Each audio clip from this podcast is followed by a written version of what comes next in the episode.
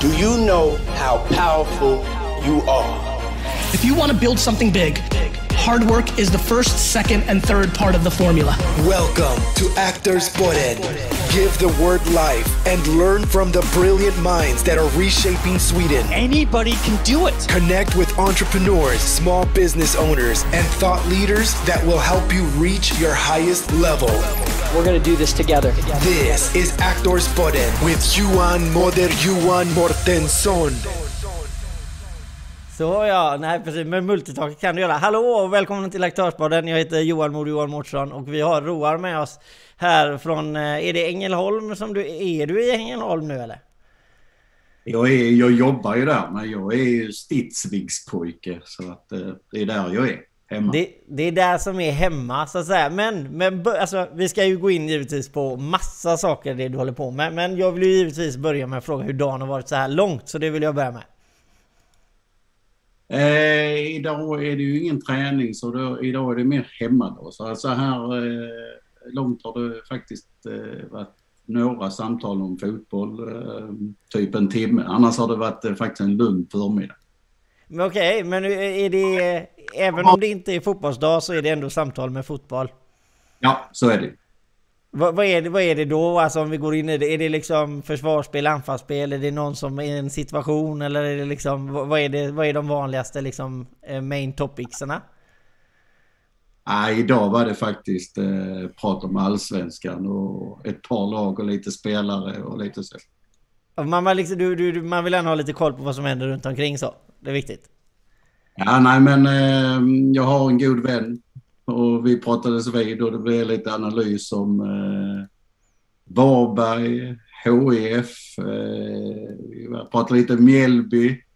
Så, så det tog lite mer än en timme. Det är väl... Eh, ja. Ja, men det är trevligt. Det är väl trevligt att prata fotboll antar jag. Men vem är Roar? Om, för den som inte känner till dig, vem, vem är du? Ja, en eh, så som eh, Karlsson på taket. En eh, lagom rund man i sina bästa år. Eh, nej, Roa Hansen är väl eh, fotbollstränare eh, för många. Men egentligen är jag ju en eh, 55-årig kille. Man som bor i Stidsvig med fru och fyra barn, en katt, en hund, tre barnbarn.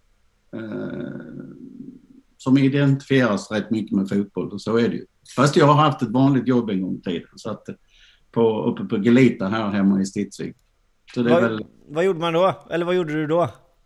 Oh, jag körde mycket tryck och jobbade på lager och sen så eh, brukar jag säga när mina spelare gnäller så brukar jag berätta när jag stod och skifflade svål på, eh, band uppe i, på ett band uppe i, på Gelita då. Så att jag menar det, eh, det var väl ett bra jobb men eh, jag har sedan 2003 haft ett bättre jobb och att vara fotbollstränare. Så när de gnäller för mycket brukar jag påminna om vad jag jobbar med. För. Ja men det, det låter helt eh, underbart. Men så, alltså, så att om, om man, du identifieras med ett fotboll, men du har ju liksom gått... Eh, hur, hur slutade du i Ängelholm? Om vi, om vi frågar den frågan. Vad sa du? Hur kom du till Ängelholms FF? Ja, det, detta är min andra runda i Ängelholm. Jag har ju varit där fem säsonger innan och sen så har jag kommit tillbaka nu och nu är inne på den tredje. Så att eh, eh, det är ju två tidsperspektiv om man säger så. så att, eh, men denna gången kom jag efter att jag hade varit i eh, Värnamo en säsong. Så jag är inne på tredje säsongen denna omgången. Så att, eh, men jag har ju varit där fem år innan, innan jag eh, lämnade för Öster och Helsingborg och så här så att, ja. eh, åtta år fick jag, eller åttonde säsongen fick jag reda på av Lasse Karlsson som är lite ikon i, i AFF och kan allting om AFF. Att, eh, tydligen är jag den tränare som har varit längst tid i Ängelholm just nu. Det är ju en stor eloge måste man ändå säga, för då måste man ju ändå säga att de är ganska nöjda med dig. Men vi, vi pratade ju lite om vem Roar var då, och då vill jag ju liksom ändå ställa sådana här lite härliga frågor. Alltså livets största utmaning för dig hittills? Vad, vad har det varit? Ja, det var väl egentligen att eh, när man tog och skulle satsa på fotbollen och ge det en, en chans att man eh, tog sig till att ha eh, fotbollstränare som yrke. Eh, för jag har ingen elitkarriär bakom mig utan jag har gått från division 6 till att varit i allsvenskan och jobbat med min hobby sedan eh, december 2003. Och livets största utmaning i det, det är ju när man jobbar heltid förr i tiden och var eh, division 6-tränare och upp till tvåan. Och sen så bilda familj i det och få det livspusslet att gå ihop. Och där är ju min kära hustru en, eh, en eh, stor nyckel i, till att det har fungerat överhuvudtaget. Och är väl till viss mån fortfarande, även om hon har fått det lugnare nu när barnen är, är stora och utflugna utom elden då. Men eh, nej, så att det är väl det då. Men om, om, alltså jag måste ju fråga där liksom, det, vara fotbollstränare är ju ändå att vara under väldigt stor press liksom. Alltså har du någon gång liksom varit nära på att hoppa skepp? Nej, inte, inte så. Men eh, fotbollstränare är ju så här att man, eh, man lever det 24-7. För du frågar hur har dagen varit idag? Egentligen är den 24-7. Jag brukar säga att fotbollstränare de jobbar ju aldrig. Om man tänker, eh, om man bara tänker att fotbollstränare är på planen och så tränar en och en halv timmes pass, då blir ju inte det så mycket. Men sen är man ju nästan aldrig ledig heller för det finns alltid någonting och det är, det är en livsstil. Men det är klart, det är, de stunderna man har haft det riktigt, riktigt tufft att eh, hoppa, nej. Men däremot att man eh, kanske då i de tuffa stunderna liksom mentalt och pressen eh, utifrån eh, och på sig själv och från laget och från supportrar och sånt. Det är klart att man är inte mer än människa, så det är klart att eh, det finns stunder i karriären som det har varit riktigt tufft. Så är det Precis som det har varit riktigt bra. Ja men såklart. Jo jo men det är upp och ner liksom. Men i din nuvarande tjänst som tränare, eller vad är det du gör för Ängelholm? Just nu sitter jag på tre stolar skulle man kunna säga. Jag eh, tränar i A-laget och sen är jag ju sportchef över den delen. Och sen så är jag ju då akademichef också och där i akademin så är jag ansvarar ju för tränarna och de ledarna som finns där och sen så är det ju bortåt från 15 till 19 år så är det ju bortåt 100 spelare. Så att eh, om man ser det så, så är det ju egentligen rätt mycket personal man har eftersom man har 22 A-lagsspelare med de, den personalen där också. Så att man har ju egentligen ansvar för väldigt många människor. Så att eh, det finns att göra, och, men det är väldigt, för mig är det väldigt inspirerande för det är ändå, det är ändå så det här att jobba med individer och lag, det är ju ändå det som har drivit mig hela tiden och kärleken till sporten. Så att, eh, eh jag gillar ju det här att prata och, och prata fotboll och prata ledarskap och vara tillgänglig också. Men sen samtidigt så ska man ju vara ärlig. Det ger mycket glädje och kanske ibland sliter det lite för mycket också att man är så jävla tillgänglig. Eh, men det får man ju skylla sig själv. Jo men en sportchef om man säger, alltså, jag ska inte säga att jag är världens bästa på just hur eh, fotbollsföreningar fungerar, men eh, eller klubbar, eller det är ju aktiebolag, det finns ju allt möjligt, olika strukturer på dem nu. Men sportchefen är oftast den som utser tränaren, är det inte så? Jo. Så att, så att du, om, om, om du är missnöjd med dig själv så skriver du ett mail från din sportchefsmail till din vanliga mail? Jag är lätt schizofren för att jag, och jag har inte bara två personligheter, jag har tre. Nej, eh, när det gäller mitt icke-vara, det är ju trots allt styrelsen som bestämmer det. Min sportchefsdel, om man säger ska förklara det, handlar ju mer om spelarna eh, och, och, och tränarna och staben runt om i föreningen. När det gäller mitt icke var, eh, så, så är det ju inte så att tränaren eh, eller sportchefen eh, kan kan sparka tränaren för att det är samma person så att det är så. Men man kan ju ha ett allvarligt samtal med sig själv så att sportchefen säger till tränaren att nu får du ta och skärpa dig. Nej, men eh, det är styrelsen givetvis. Ja, jag förstår. Men, men det, sen måste jag ju liksom, det här med, med sportchef då liksom. Alltså, eh, det här med att rekrytera spelare. För att är, är det inte, är tränaren i liksom en väldigt, väldigt stor klubb, vi säger liksom Premier League bara för att då, då kollar han tränaren till sportchefen eh, alternativt säger att jag skulle vilja köpa denna spelaren eller den här spelaren skulle jag vilja värva. Så att, men där har du kontrollen liksom helt upp med allting då att jag kan välja att den här personen tror jag funkar bra i våran grupp och så då kan du göra det efter vad du själv tycker. Helt. Ja, inte helt och hållet. Alltså, I Ängelholm är det ju också en styrelse och, och så har de en utsedd person och så funkar det ju faktiskt i de flesta klubbar att man har ett sportråd eller någonting där så det blir ju inte så att en tränare eller en manager eller vad du säger blir en envårdshandska. Men det är klart att de har mycket, man har mycket att säga till dem men det är inte så att de tar alla beslut själva utan det finns alltid utsedda personer från föreningen eller eh, vissa som har ett sportråd och så får eh, managern eller tränaren eller sportchefen eh, testa sina idéer där och förklara. Så, så att det är inte helt att man bara bestämmer och, och gör som man vill. Så funkar det inte. Okej, okay. vi, vi, har vi har faktiskt en väldigt trevlig här, en liten fråga här. Frågar åt en vän som dessvärre inte kunde vara med live. Jag har sedan tidigare ingen erfarenhet att jobba med fotboll endast som supporter och spelare yngre dagar. Jag har gått en scoutingkurs genom Ipso från England. Vad tänker du det finns för möjligheter, vägar in i branschen? Är för främst intresserad av scouting? Fick vi en fråga. Ja, det finns ju alla möjligheter. Det är ju någonting som har kommit, just de här moderna scoutingprogrammen. Och de kan ju ske fysiskt, att de åker runt och kollar. Men just det här, eh, det finns både det när det gäller scouting och analys så kan man eh, komma in i fotbollsbranschen eller idrottsbranschen överhuvudtaget. Alltså och ha det som jobb. Genom att man visar att man behöver inte ha den absolut största erfarenheten utan det är bara att man jobbar på och blir skicklig och så sitter man med tränarna och organisationen vad det är de vill och så jobbar man ihop och får en bild. Både när det gäller scouting och framförallt analys. Eh, så där finns lite nya jobb inom sportens värld att om man är, skulle tycka det där är intressant.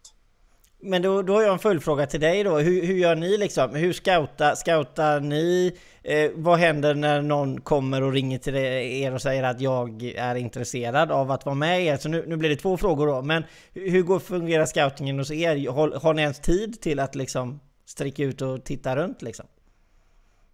Nu har det ju varit väldigt, om vi då tar bort corona som det har Ja, varit men vi tar bort den. Ta bort corona. För det, blir ju, det har ju varit väldigt speciella förhållanden. Men okej, okay, nu är vi på i division 2-nivå så att det är klart att vi bygger vår verksamhet på att ha lokala spelare och spelare från vår akademi så att vi kanske inte scoutar på samma vis som man gör när jag har varit i de andra klubbarna. Men där är det ju så, man åker runt och tittar fysiskt och sen får man tips från både agenter och sen så följer man ju matcher och sen så finns det liksom färdiga program. Nästan alla matcher, om man säger allsvenskan, superettan och division 1, de, eh, de, spelas in och då kan man ha program där du egentligen kan se alla, nästan 24 timmar efter kan du se alla fotbollsspelare i Sverige, i Danmark. Det beror på hur mycket pengar du lägger. Du kan se spelare i hela världen egentligen. Så att man kan egentligen sitta hemma och scouta hur många som helst. Eh, så. Men sen hur det funkar, ja i mitt fall är det ju så att jag tycker det fysiska mötet spelar ingen roll vad en rådgivare eller en agent eller någonting säger. Man har kanske man har en klar bild eller så har man en lite en känsla vad det är för något. Men för mig handlar det också om det personliga mötet. Eh, liksom så att eh, det ska stämma där också. Eh, men det ska passa in lite i gruppen med gruppmentaliteten och... Och förstå rollen eh, i laget och eh, vad spelaren så den får också vad den kan förvänta sig av mig som tränare och vad den kan förvänta sig av klubben och sen tvärtom vad spelaren ska leva, leva ut. Jag tror ju stenhårt på hur många tekniska hjälpmedel vi än har så tror jag ändå att det är en viktig roll. Men om vi säger, vi säger nu att jag är väldigt duktig på fotboll som jag inte är. Och så säger vi att jag är, men jag är väldigt duktig så hör jag av mig till dig och så säger jag men jag skulle vilja komma och provträna. Alltså är det att du tittar upp först innan det blir en provträning eller kallar man in, eller hur många provträningar blir det på ett år? Alltså nu blir det lite dubbelfrågor här men om jag vill provträna mer, hur, går, hur går man tillväga då? Ja men det är ju en, precis som du, du ställer en fråga till mig. Och är det så att du är bara en spelare så är det ju upp till mig att värdera det. Eh, och ha ett samtal med dig och så kan jag kanske återkomma om dagen efter och då har under tiden tagit reda på lite om dig, i folk i din närhet. Och så tycker jag att ja, men det låter ändå lite intressant och sen bjuder in dig till klubben. Kanske först ett samtal. Och är samtalet bra, eller vi kör det på telefon och man har en god magkänsla, så bjuder man in på en provträning. Sen är det ju provträningar mitt under säsongen. Mm, det gör man kanske inte. Det kanske är mer på försäsongen eller efter säsongens slut. Liksom så. Men absolut, det händer ju på hög nivå också att det finns lite provträningar. Jo men det kan vara om det inte alltså det är någonting som inte kanske riktigt klaffar och man känner att här kan man stärka upp det eller är lite så eller? Vad sa du? En gång till. Om, nej, men du känner att det kanske finns en lagdel som inte riktigt klaffar med en annan eller det kanske är någonting som inte stämmer. Då kanske du känner att vi måste fylla på här. Då kanske det är aktuellt eller? Absolut. Absolut. Men sen måste jag ju fråga så här, alltså, man har med mycket människor att göra, det är mycket känslor i fotboll. När, mm. när blev du irriterad senast och varför? Oj! Nu är det så att jag är en känslomänniska. Jag tänkte direkt när du sa det kommer jag inte ihåg. För att jag är en sån människa, jag är glad väldigt ofta och jag är irriterad jävligt ofta också. Men det är bara det att jag glömmer det lika fort igen. Jag var säkert irriterad på, ja, nu när jag inte fick tekniken på så, här, så går ju min puls upp direkt. Alltså. Och igår var det någonting annat så att det, det där kan jag inte ens en gång räkna till jag är glad och jag är irriterad och det går bra fram och tillbaka. Ja men det är, ja, ja, det, det är underbart att höra. Eh, men då, vi, vi pratade lite där som, som jobbar som, som tränare. Eh, hur är det att jobba som tränare i Ängelholm? Det är fantastiskt. Eh, vi har eh, vi har ett ungt lag. Ett par rutinerade rävar. Det finns en hög ambition i gruppen. Det finns en hög ambition i föreningen. Vi hittar på många nya, liksom, i projektet Ängelholm just nu är ju att vi ska bli bättre och bättre men ändå på ett bra sätt. Att vi har många spelare från egna akademin och från närområdet.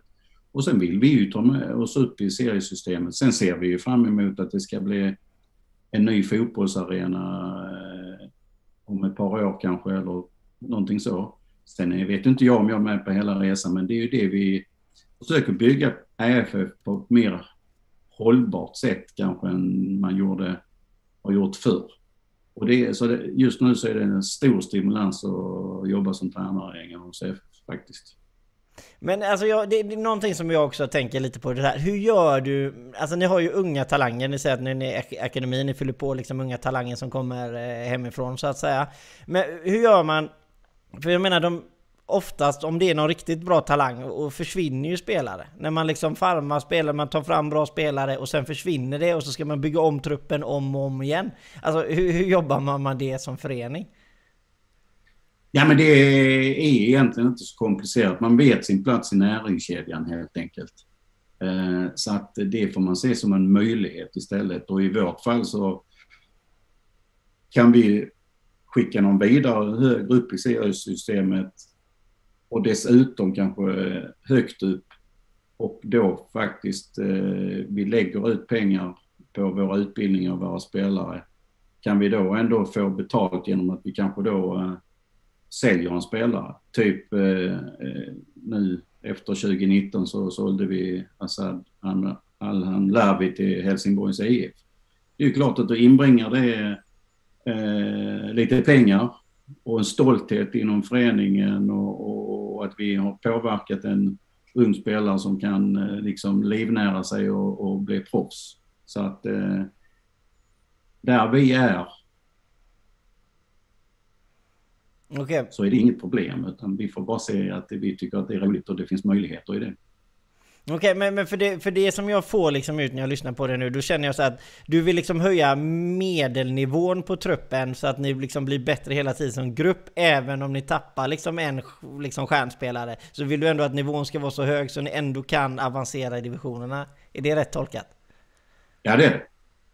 Okej, okay. med att en sån kille lämnar till högre är också då, då nästan smittar det av sig för de som sitter i omklädningsrummet och tänker att lyckas han och gör det bra i EFF så kanske är, antingen så lyckas jag med vår klubb och mitt lag och då får vi fram, gemensam framgång på det. Eller så gör jag något extra bra och så kanske jag får en egen framgång. Så att eh, det är mer... Eh, jag tror att det, det, skapar ett driv i gruppen också faktiskt.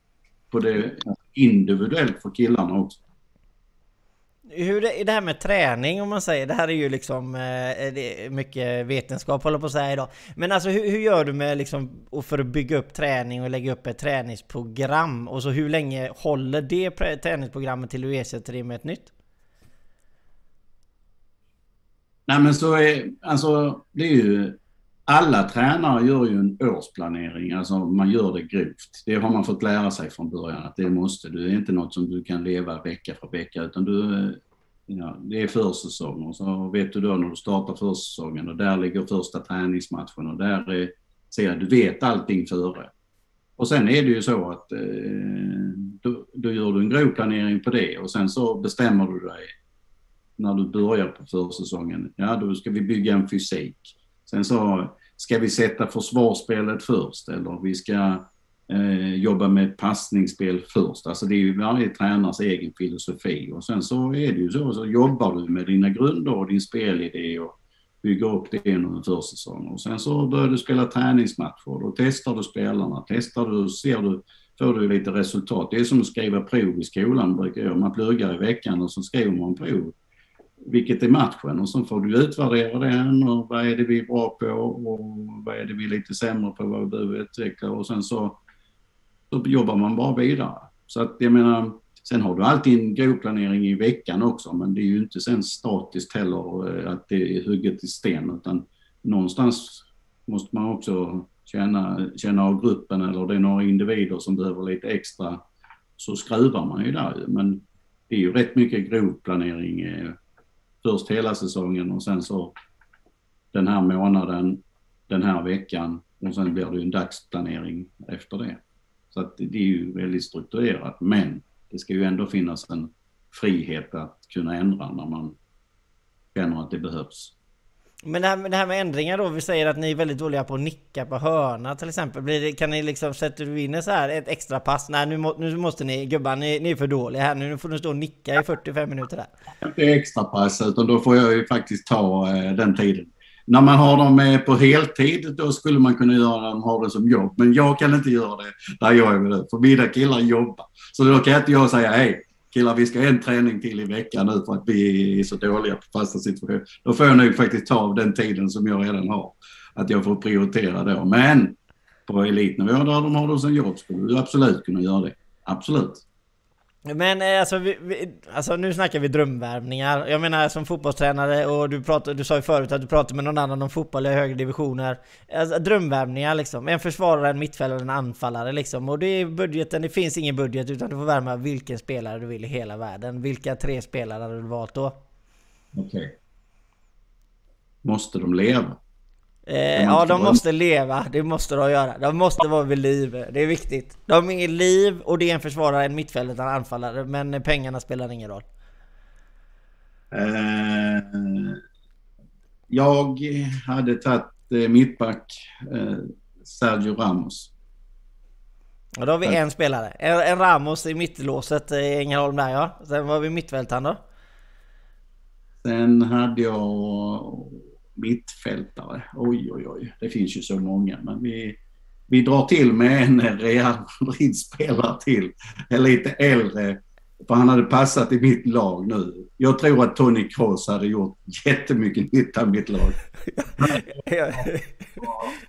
säker och fin och har både kort och långt spel och bra på fasta situationer. Inte för att han är den, alltså just den bästa mittfältaren, men ska jag säga till mitt lag Sergio Ramos, eh, ledargestalt, tuff som bara fasen eh, i backlinjen. Han där, absolut.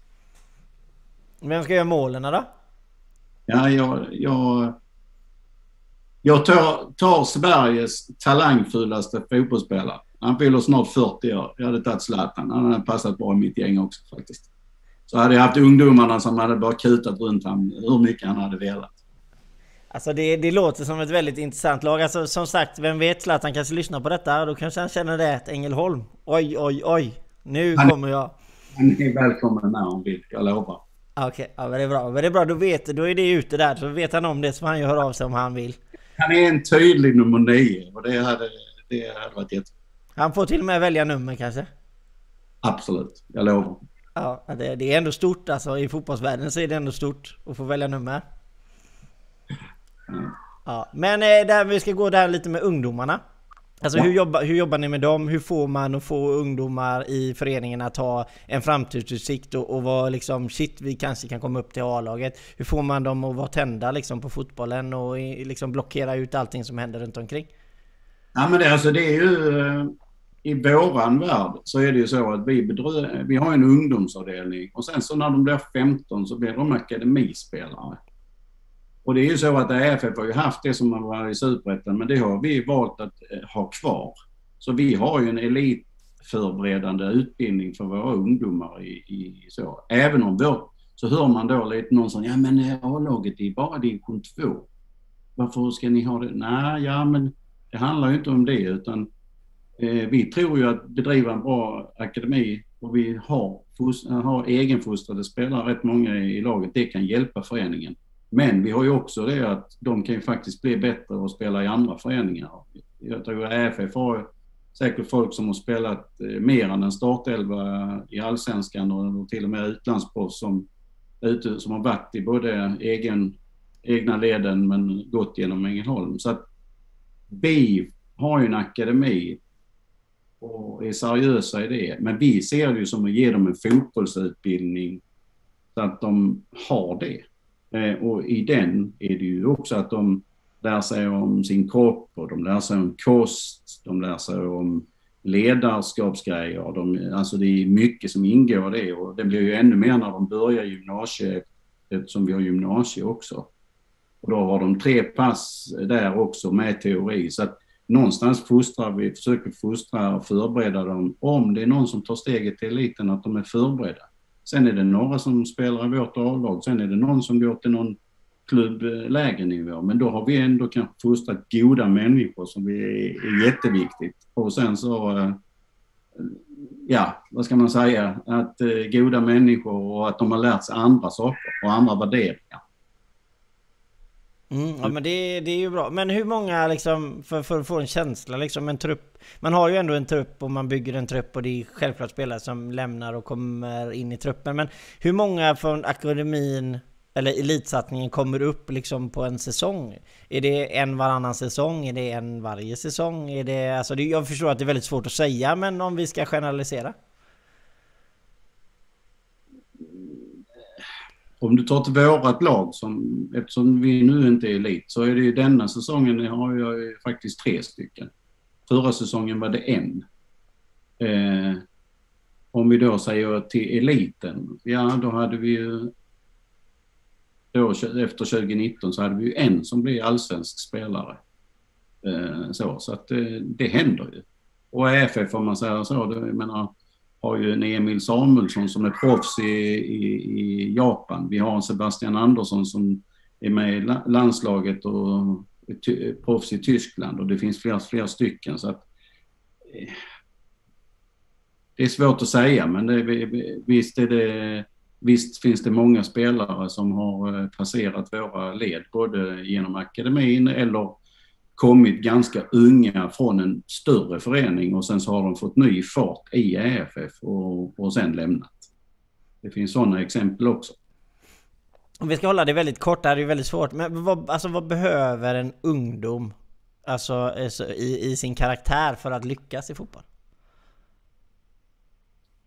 Jag tror att en otroligt stark egen motor att vilja och förstå att eh, sammanhanget att för att lyckas så måste man givetvis ta nytta av sina tränare, samspela med sitt lag. Eh, är man ung, förstå att det finns äldre spelare som har mycket att ge dem.